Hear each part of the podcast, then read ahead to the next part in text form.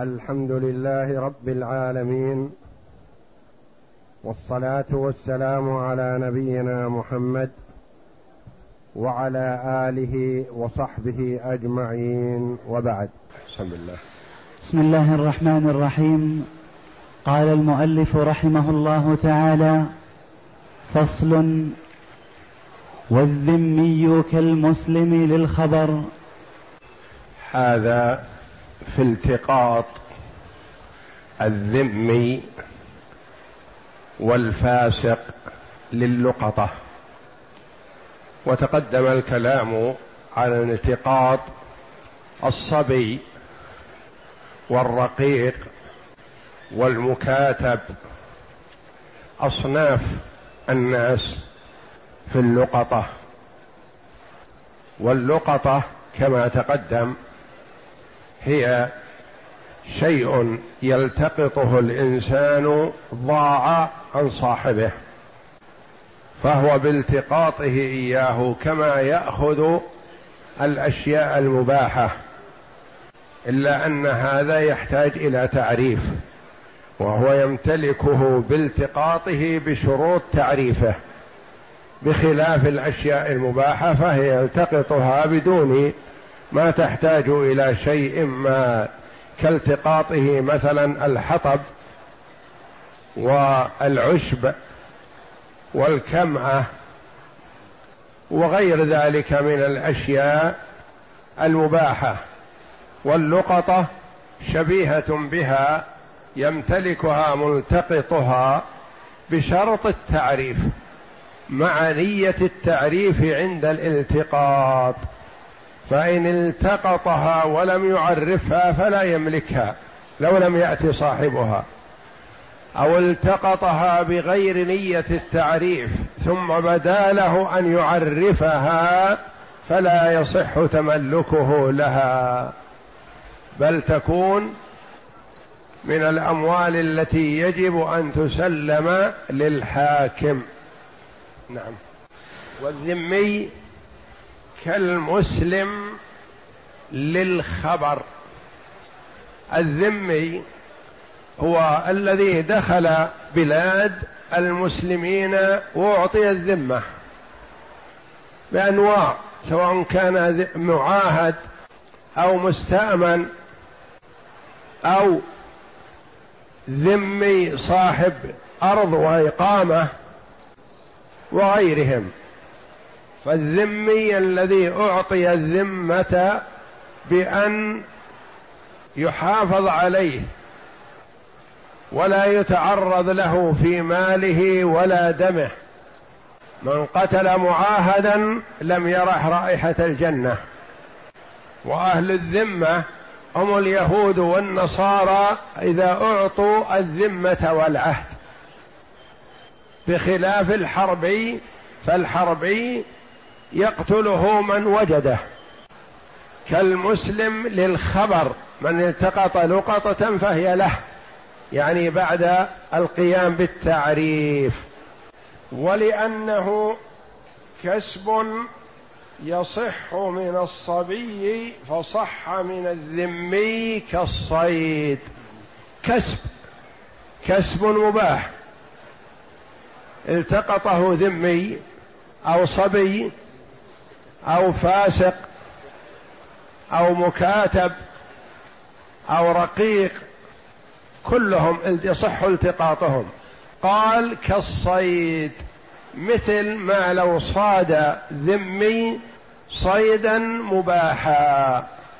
نعم. ولأنه كسب يصح من الصبي فصح من الذمي كالصيد والفاسق كالعدل. والفاسق كالعدل يعني الفاسق كذلك إذا وجد لقطة. الفاسق هو من أصر على ذنب أو وقع في كبيرة من كبائر الذنوب. ما يخرج عن الإسلام وإنما ما يقال له مؤمن كامل الإيمان وإنما له مطلق الإيمان أو مسلم أو مؤمن فاسق ناقص الإيمان لأن من أصول أهل السنة والجماعة أنهم لا يخرجون الفاسق من الإسلام بارتكاب كبيرة من كبائر الذنوب خلافا للخوارج والمعتزلة. هؤلاء متشددون في غير حق يقولون إذا ارتكب المسلم كبيرة من كبائر الذنوب زنى أو سرق أو كذب أو حلف يمينا فاجرة أو نحو ذلك يقولون خرج من الإسلام فهو كافر حلال الدم والمال. هؤلاء الخوارج. المعتزلة يقولون خرج من الإسلام ولم يدخل في الكفر ليس بكافر. وهو في الآخرة خالد مخلد في النار. أهل السنة والجماعة يقولون الفاسق مسلم له ما للمسلمين وعليه ما على المسلمين. ودمه حرام وماله حرام وإنما هو ناقص الإيمان. أو يقال له فاسق يعني عنده شيء من الفسق ما يخرجه إلى الكفر. هذا الفاسق والفاسق وجد لقطة مثلا معروف هذا يشرب الخمر هذا يسرق هذا يزني مثلا. حصل منه شيء من هذا ولم تعلم توبته من هذا الذنب. نسميه فاسق. وجد لقطة. نقول لا تحل له اللقطة؟ لا. نقول هو كغيره. ما دام تجري عليه أحكام المسلمين في الظاهر فهو إذا وجد لقطة فحكمه حكم العادل مثل الثقة والأمين لكنه يحتاج إلى شيء. ليس كالأمين سواء بسواء لأن الأمين إذا وجد لقطة تركناها بيده لأنه ثقة وعدل ولا يخشى عليها منه. بخلاف الفاسق فالفاسق إذا وجدها ما نقرها بيده ولا نضم إليه أحد لأن ما نثق فيه يجحدها أو يأتيه صاحبها مثلا ويكذب عليه في أوصافها. يقول لا ما هذه صفتها مع أنها تنطبق عليها ونحو ذلك. هذا غير مؤتمن من حيث الأمانة لكنه يملك. فلذا لقطته يملكها. لكن نضم إليه عدل نعم.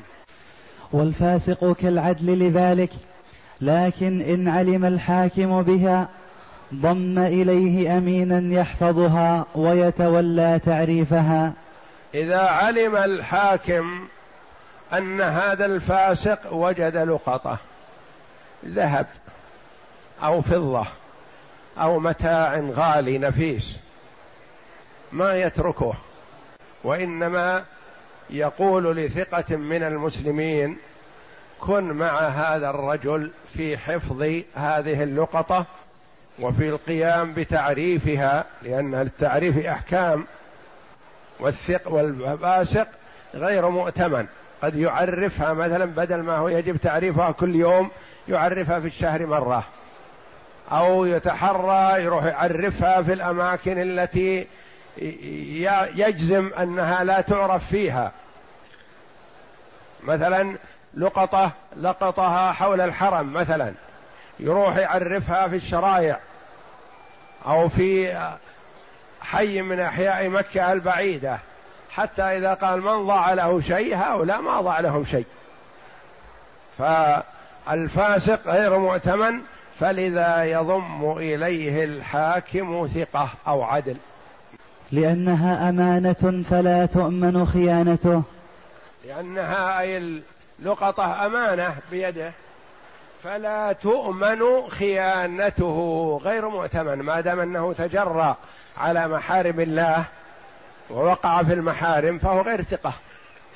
ويسمى في العرف وفي التعريف الشرعي فاسق والفسق هو الخروج عن الطاعة. لأنها أمانة فلا تؤمن خيانته فيها فإذا عرفها ملكها ملتقطها. فإذا عرفها يعني قام الذمي أو قام الفاسق بتعريفها التعريف الشرعي بمراقبة ومصاحبة الثقة العدل من المسلمين ما جاء صاحبها بعد سنة يملكها ملتقطها فقط والعدل هذا بمثابة كمراقب ومضافا إليه وإلا فليس له شيء من اللقطة لأن اللقطة تكون لملتقطها. فصل ومن التقط لقطة, لقطة لغير التعريف ضمنها ولم يملكها وإن عرفها لأنه أخذها على وجه تحرم عليه. فلم يملكها كالغاصب ومن التقط لقطة لغير التعريف. فرق بين أن يلتقط اللقطة بنية تعريفها وعزمه على تعريفها أو يلتقطها بغير نية التعريف. التقطها وفرح بها على أنها له. وعزم على أنه لا يعرفها وأحب أن يخفيها لكن اطلع عليها من اطلع فأجبر على تعريفها فعرفها لمدة سنة ولم يأت صاحبها. فهل يملكها الملتقط؟ لا. لما؟ لأنه أخذها بغير ما يجب لها وهو التعريف. فيده حال أخذها يد غاصب. التقط اللقطه وهو عازم على تعريفها. مضت السنة ما جاء من يعرفها بعد أن قام بالتعريف على خير صفة يملكها قلت أو كثرت. هذا التقطها بغير نية التعريف. ما نوى التعريف لكنه بعد هذا ندم أو ذكر فاتعظ وعزم على تعريفها وعرفها لمدة سنة ما جاء صاحبها. هل يملكها؟ لا. صفة أخرى أخذها بغير نية التعريف وحفظها عنده في البيت واعتنى بها. ثم عزم وعرفها. في أثناء التعريف فقدت تلفت أو سرقت. المهم أنها تلفت. ما الحكم؟ قالوا يضمنها. لما؟ لأن يده يد غاصب ويد الغاصب غير مؤتمنة ويد الغاصب تضمن ما تلف فيها. نعرف الفرق بين يد الغاصب ويد الأمين. يد الأمين إذا لم يفرط فإنه غير ضامن لما تحت يده. ويد الغاصب ضامنة حتى لو لم يفرط. اثنان التقطا لقطة. واحد بعدما التقطها عزم على تعريفها قال لعلي أجد صاحبها إن شاء الله. فأخذ ينادي عليها. الآخر التقط لقطة قال هذه غنيمة. وأخفاها وما نوى أن يعرفها. ثم بعد هذا وعظه وعظ فعزم على التعريف. فعرفها هذا وهذا وكلهم وضعها في صندوق حديد في البيت لأنها ثمينة ذهب. وكلهم حصل عليها حريق فتلفت مع الصندوق مع شيء من ممتلكاته. واحد منهم يضمن وآخر لا يضمن. وكلهم عملهم سواء إلا في النية عند الالتقاط. الذي قصد عند الالتقاط التعريف ثم عرف واحتفظ بها احتفاظا بليغا ثم تلفت مع احتفاظه واهتمامه بها. هذا لا يضمن. لأن أولا يده يد أمينة ولم يحصل منه تفريط. الآخر الذي نوى أخذها لنفسه أول الأمر ثم وعظ فاتعظ فعرفها واحتفظ بها لعل صاحبها يأتي فتلفت قبل أن يأتي صاحبها. ثم جاء صاحبها بعد هذا. وقال له تلفت مع صندوقي مع ممتلكاتي. نقول أنت ضامن لأن يدك يد غاصب. حينما أخذتها والتقطتها ما كنت تنوي التعريف. فيدك يد غاصب تضمن وإن لم يحصل تفريط. ومن ترك التعريف في الحول الأول لم يملكها وإن عرفها بعد. وإن ترك التعريف في الحول الأول ثم عرفها حولا ثانيا لم يملكها لأنه ما قام بالتعريف الشرعي. التعريف الشرعي من حين وجوده اللقطة يعرفها وينادي عليها. هذا أسكت عليها السنة الأولى. ثم في السنة الثانية بدأ ينادي. ذهب أصحابها ونسيت. هذا ما يملكها ولو استمر على تعريفها عشر سنين. لأنه أسكت عنها في السنة الأولى التي يجب تعريفها ما عرفها فما يملكها وإنما يجب تسليمها للحاكم. تبع الأموال الضائعة ما يملكها ملتقطها. وإن عرفها بعد لأن السبب الذي يملكها به قد فات. نعم. ولا يبرأ.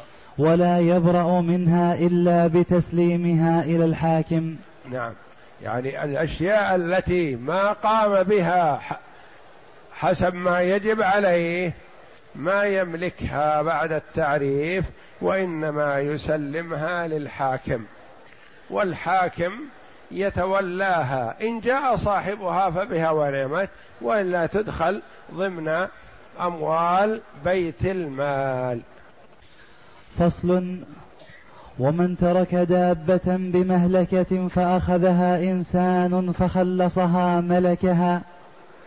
لما روى الشعبي قال حدثنا غير واحد من أصحاب رسول الله صلى الله عليه وسلم أن رسول الله صلى الله عليه وسلم قال من وجد دابة قد عجز عنها أهلها فسيبوها فأخذها فأحياها فهي له.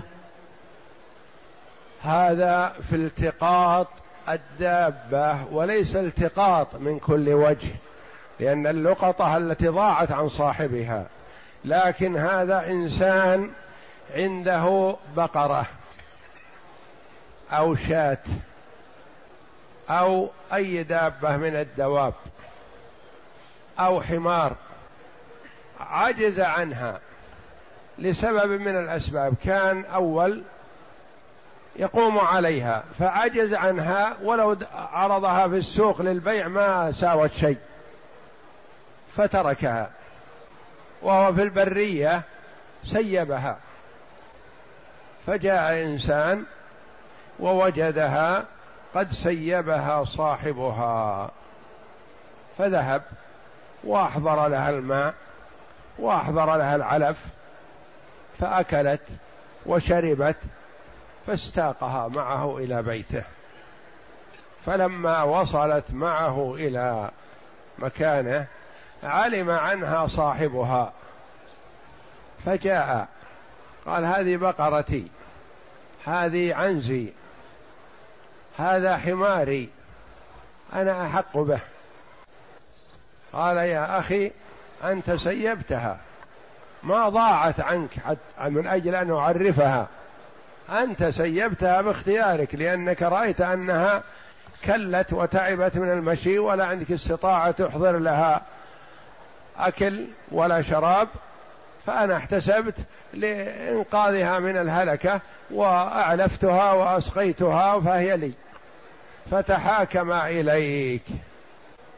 فتقول ما رواه الشعبي غير واحد من أصحاب رسول الله صلى الله عليه وسلم أن رسول الله صلى الله عليه وسلم قال من وجد دابة قد عجز عنها أهلها فسيبوها فأخذها فأحياها فهي له للذي أخذها لأن ذاك تركها عن طيب خاطر منه.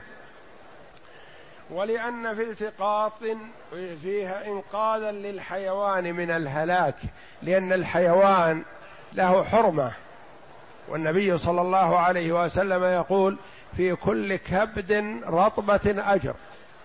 والرجل الذي رأى الكلب يلهث من شدة العطش يأكل الثرى من العطش وليس حوله ماء ولا يستطيع الكلب النزول إلى البئر نزل هذا الرجل في البئر وملأ خفه ماء. وصعد به وأعطاه الكلب فشربه شكر الله له فغفر له. قالوا يا رسول الله وإن لنا في البهائم أجر؟ قال نعم في كل كبد رطبة أجر. كلب قط حمار بعير شاة في كل كبد رطبة أجر. والمرء مأمور بإنقاذ الحيوان. ما يتركه يموت. حتى لو كان في البلد مثلا الرجل عنده حيوانات كثيرة ومل منها وضاقت نفسه عليها ما يسرحها. يقال له لازم أن تقوم عليها. أو تسلمها لمن يقوم عليها لنفسه. أما أن تهيتها كذا أو تجيعها ما يحرم عليك ذلك. فالمرأة التي حبست الهرة لا هي أطعمتها ولا هي تركتها تأكل من خشاش الأرض دخل